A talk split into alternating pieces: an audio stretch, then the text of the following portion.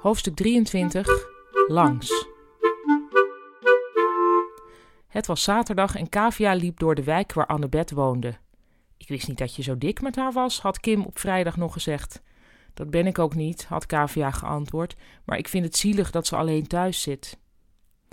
Kavia had zich die ochtend over haar afkeer van dierenwinkels heen gezet en een nepbot voor Annabeths hond gekocht. De hond met nierstenen. Het huis van Annabeth stond in een hofje waar alleen vrouwen mochten wonen. Dat had iets fatalistisch, maar aan de andere kant heerste er een ongekende rust en was het middenperkje bijna Engels in zijn aangeharktheid. Kavia belde aan en meteen begon de hond met nierstenen te blaffen. Het was een diepe blaf. Ze hoorde Annabeth even stil roepen, waarna de deur openging. Ha, zei Annabeth, nou, je bent de eerste die de moeite neemt om langs te komen. Kavia hield het nepbot feestelijk omhoog. De hond begon meteen te trillen en Annabeth greep hem bij zijn halsband. Doe maar even weg, zei ze, anders moet ik hem zo van je aftrekken.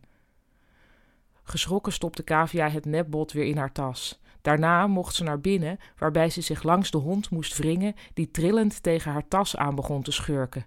Zo, moet je even snuffelen? vroeg Kavia, hopende dat ze als een hondenliefhebber klonk. Koffie dan maar? vroeg Annabeth. Even later zaten ze op het minuscule roodhand bankstelletje in de huiskamer. Kavia hield met een schuin oog de hond in de gaten, die op zijn beurt haar in de gaten hield.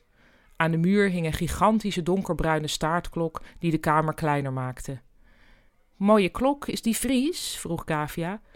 Ja, ik ben er een keer bij tussen kunst en kitsch mee geweest. Wauw, zei Kavia. Maar hij was niets waard, zuchtte Annabeth.